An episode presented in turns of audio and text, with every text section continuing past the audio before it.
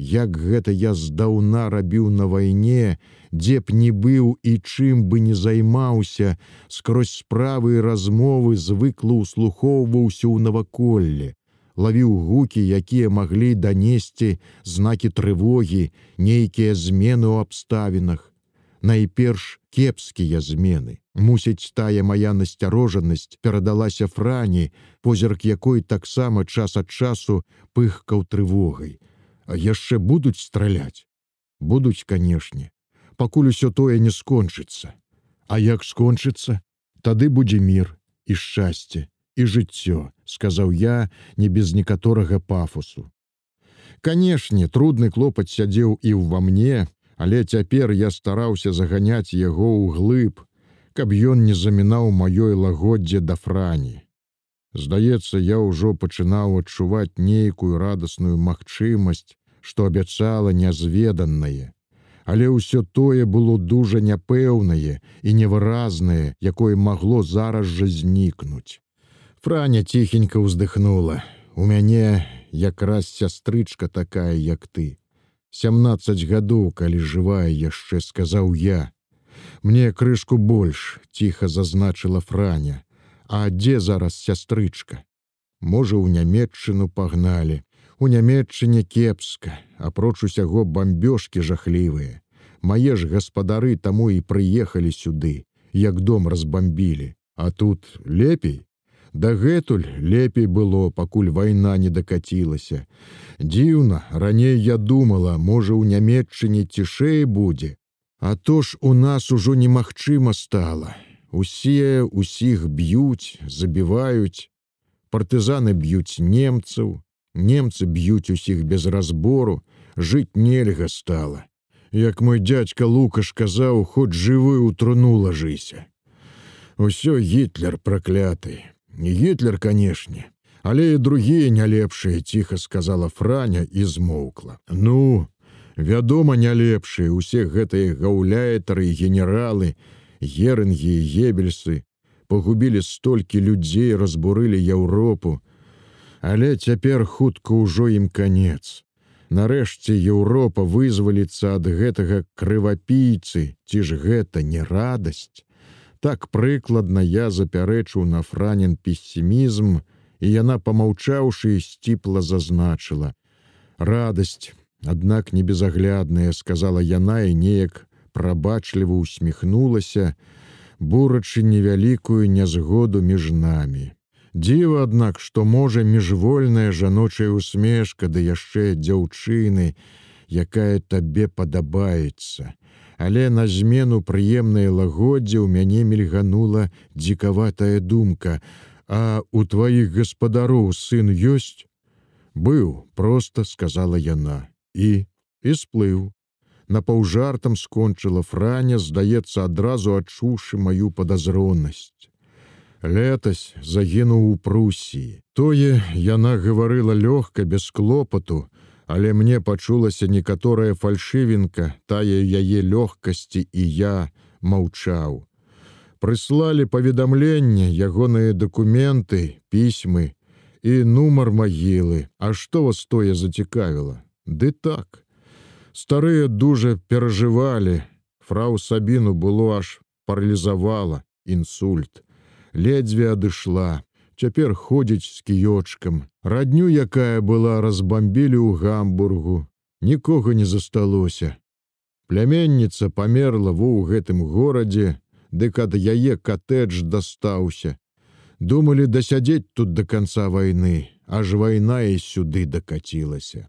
Яна канчала зашываць мой добра такі расшкуматаны рукаў, на які не хапіла адной ніткі, і франя ўзялася сучыць другую. Усё тое рабіла з дакладным спрытам, і я з любасцю назіраў за даўно нябачаным жаночым клопатам.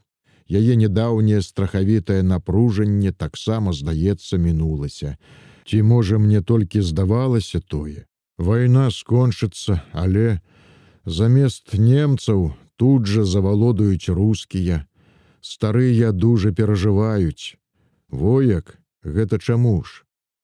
Схіліўшы галоўку над шытвом, Франя коротко цепнула плечуком, нібы кажучы тым, хто іх ведае.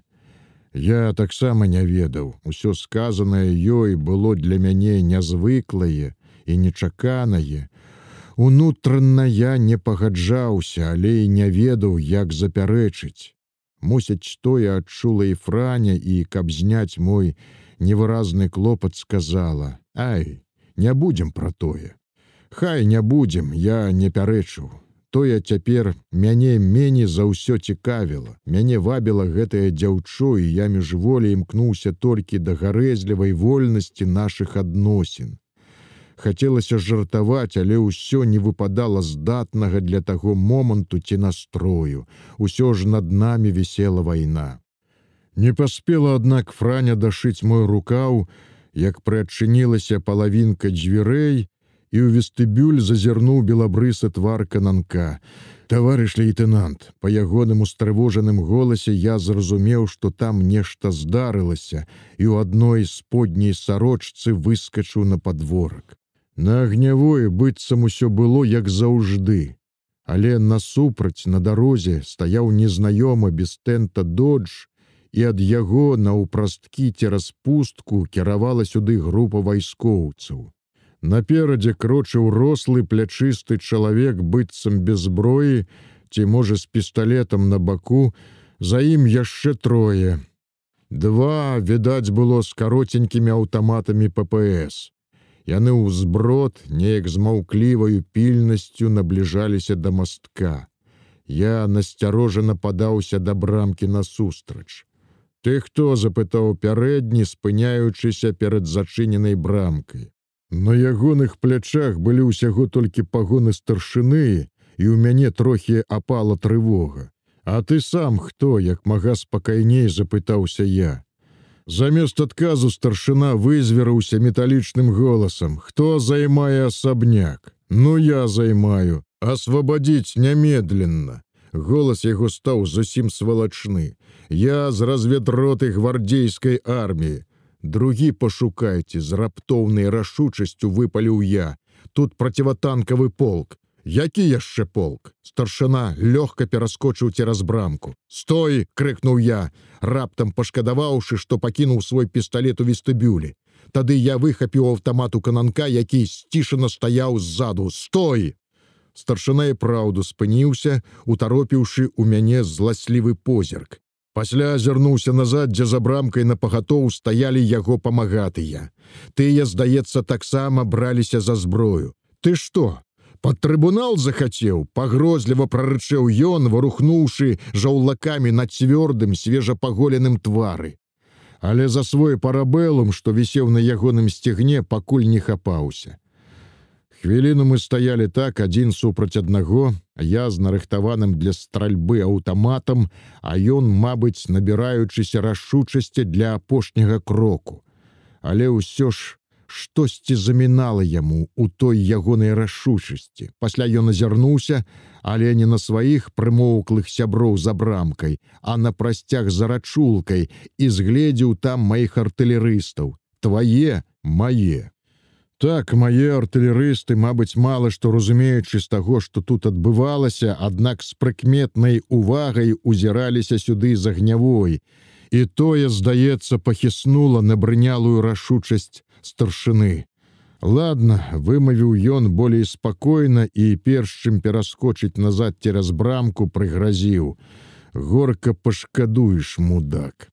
Не вяртаючыся назад цераз масток, яны хуткім крокам скіравалі кудысь па гэтым беразе, мабыць, да іншых ускраенных будовак. Я аддаў аўтамат кананку і вярнуўся ў катэдж. Не сказаць, што гэтая сутычка далася мне лёгка без хвалявання. Ведаў, тое мне, мабыць, проста не абыдзецца. Яшчэ можа быць ліха. Адчуваў, што гэта не так сабе не выпадкова, штосьці тут усунулася тайнае. Ці не пашчараваў наш сан інструктар, іначай чаму б яны скіравалі адразу да гэтага катэджа. Ужо пэўна не таму, што ён самы прыгожай. Што ў іх там у тыле мала здатных прыгожых будовак для разведроты гвардзейскай арміі. Ды ці для разведроты яны рупіліся. З дрыготкіх рук прамоўклае франі я ўзяў сваю гімнасцёрку, моўчкі надзеў цераз галаву. Франя чамусь ні пра што не пыталася, Мабыць, і без роспату адчувала, што здарылася на падворку і на яе азмрочаным тварыку прадаўжаў трымцець спалох. Не бойся, сказаў я, падпяразаваючыся. Мы зашчыцім. Дзякуй вам, ціхенька адказала дзяўчына. І гэта, заві мяне на ты. Добра, добра міця. Усё ж я задоўжыўся на гасцях, нельга было так доўга адсутнічаць на агнявой. Хоць навакол было ціха, але трывога магла ўзнікнуць кожнай хвіліны. Зноў жа камбат там, мабыць, ужо неаднойчы тэлефанаваў муху, патрабаваў узводнага. Мядзведзеў, канешне, выручыць, як звычайна, скажа, што лейтенант пайшоў у другі разлік, дзе не было телефона, але ўсё ж не на паўдня ён пайшоў у той разлік. Я вярнуся, сказаў Яфрані, якая, не выходзячы на ганак, стаяла ў расчыненых дзвярах, нікога не пушчайце. На агнявой, аднак усё было як заўжды, калі не было абстрэлу. Наводчык сцяпанаў дыміў сваёй махоркай, гультаяватая тросчынка ляжаў да гары на брустверы, звесіўшы на пляцоўку даўгія ногі ў шырокіх трафейных ботах. Малады скібаў дзёўбаў пад сашнікам рыдлёўкай, каб павялічыць радыус абстрэлу гарматы. Ягонай лянівай працай прыдзірліва кіраваў камандзір мядзведзяў, што сядзеў насупраць на станіне. Глыбей, глыбей возьми, а то як дасць на адкаце, наводчыку сіняк і пасадзіць. Абед вам лейтенант у кацялку на скрынцы, сказаў ён да мяне, на двух з кананком. Еш кананок я не буду.